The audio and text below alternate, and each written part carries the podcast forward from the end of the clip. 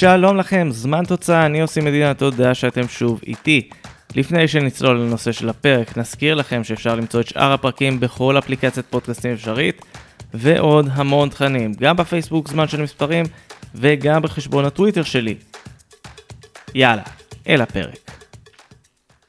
נבחרת ישראל תצא לדרך הערב עם קמפיין חדש של ליגת האומות, אה, אחרי שרוסיה הורחקה ואלבניה כבר קיבלה מספיק כבוד כאן, הגיע הזמן להתייחס לנבחרת הנוספת שתהיה איתנו בבית, ותהיה גם היריבה הראשונה שלנו בקמפיין, איסלנד.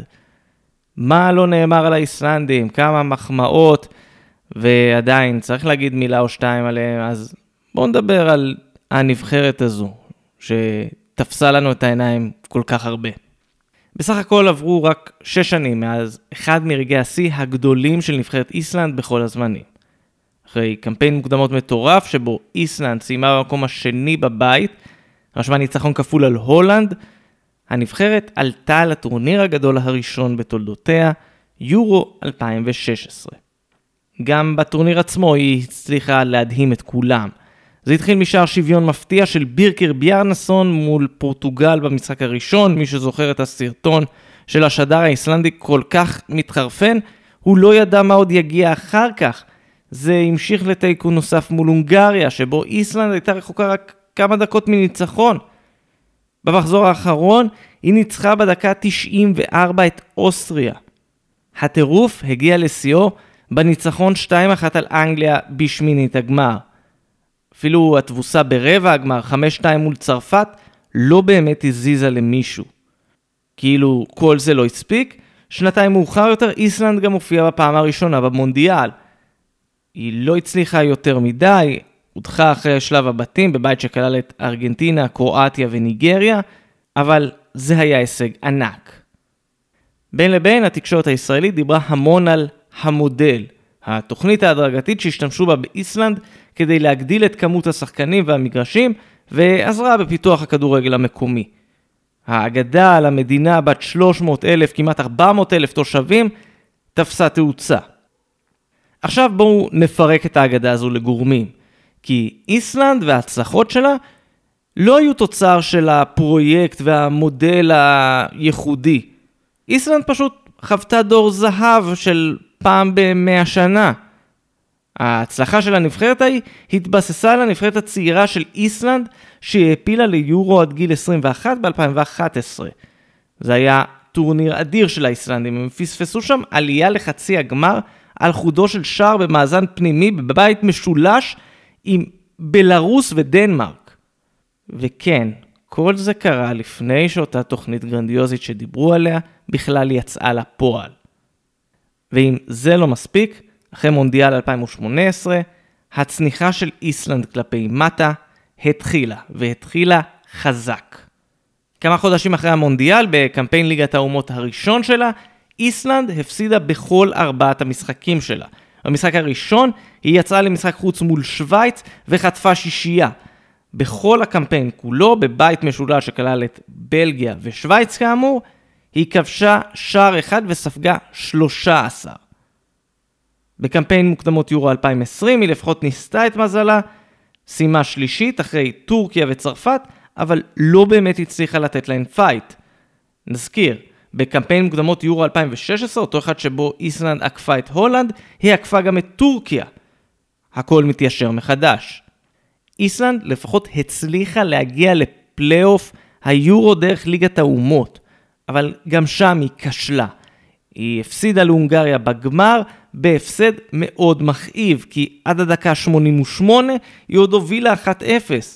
הבעיה היא שהיא ספגה אז שערים של לואיק נגו ושער נוסף של דומיניק סובוסליי בתוספת הזמן, הפסד 2-1 ואת היורו הזה היא כבר רואה מהבית. ממשיכים במסע קדימה, ליגת האומות, עונת 2020-2021. איסלנד שוב מתרסקת, שישה משחקים, שישה הפסדים.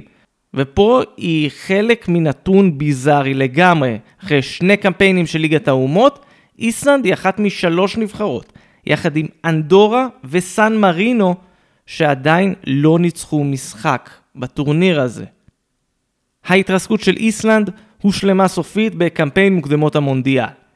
היא סיימה במקום החמישי בבית שלה, אחרי גרמניה, צפון מקדוניה, ארמניה ורומניה. שני הניצחונות היחידים שלה בקמפיין ההוא הגיעו ממשחקים מול ליכטנשטיין. אבל כל מה שתיארתי עד עכשיו היה המכה הקלה שחטפה איסלנד באירוע הזה. לקראת סיום קמפיין המוקדמות, התפרסמו בזה אחר זה סיפורים על הטרדות מיניות מצד שחקני הנבחרת במספר סיטואציות. אחד הסיפורים הגדולים התייחס לאירוע שקרה במועדון לילה ברייקיאביק ב-2017. הילדור גידה ארנסדוטיר הייתה הבחורה שחשפה את הסיפור. היא סיפרה שבאותו ערב היא הוטרדה על ידי שישה משחקני הנבחרת. השם המוביל היה קולביין סיקתורסון, אחד מכוכבי דור הזהב של הנבחרת ומלך השערים שלה בכל הזמנים, יחד עם איידור גודיונסן. כמובן שאחרי שהתפוצץ הסיפור, נבדקו העניינים, הוא עצמו הודה במעשים, התנצל, הוא טען שבניגוד לחלקים מהסיפור לא הופעל נגדה אלימות, אבל זה לא באמת שינה. הוא הושעה מהנבחרת, מאוחר יותר גם הקבוצה שלו, גטבורג, החליטה להשעות אותו. שם נוסף שנעלם מדור הזהב האיסלנדי הוא גילפי סיגורדסון, שבינתיים נחקר גם הוא באשמת הטרדות מיניות במעשים שהוא עשה בכלל באנגליה, ולפי הערכות כללו גם קטינים. השיא של כל האירוע הזה היה התפטרות מסיבית, בזה אחר זה של כל בכירי ההתאחדות האיסלנדית. כל הבורד, ההנהלה של ההתאחדות, כולל הנשיא והיושב ראש, החליטו להתפטר. הם לקחו אחריות, הביעו צער והתפטרו. זה היה אקורד הסיום של התקופה המוצלחת, ואולי אפילו המוצלחת מדי של נבחרת איסלנד. עם כל העבר הזה, כל הרקע הזה, עם כל הבלגן הזה, לא ברור איזו איסלנד אנחנו נראה בקמפיין הזה. אבל מה שיותר חמור מזה, לא ברור אם הכדורגל האיסלנדי יצליח בכלל להתאושש מכל אירועי השנים האחרונות, או שהוא בדרך להתכווצות מחדש לממדיו המקוריים, אי שם מתנדנדת בין דרג 5 ל-6.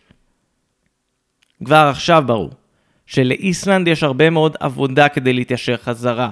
אין לזה שום קשר לאיצטדיונים, מחלקות נוער, תוכניות ארוכות טווח, אין לזה אפילו שום קשר לאם איסלנד תצליח לחזור ליורו או מונדיאל שוב. זה עניין של אמות מידה ומוסר. יכול להיות שגם אנחנו נצטרך לאמץ חלק מהדברים האלה. גם אם זה לא פלילי. אז זה היה עוד פרק של זמן תוצאה. אני עושה מדינה תודה לכם שהאזנתם. כאמור, אנחנו בכל אפליקציית פודקאסטים אפשרית. חפשו זמן של מספרים בפייסבוק, אל תשכחו את חשבון הטוויטר שלי, הכל שם. אני כבר מחכה לשמוע מכם תגובות, תהיות, רעיונות לפרקים, הגיגים שלכם על ליגת האומות. הבמה שלכם והיא לגמרי פתוחה. יהיו עוד פרקים, הם בדרך אליכם. עד אז, ביי בינתיים.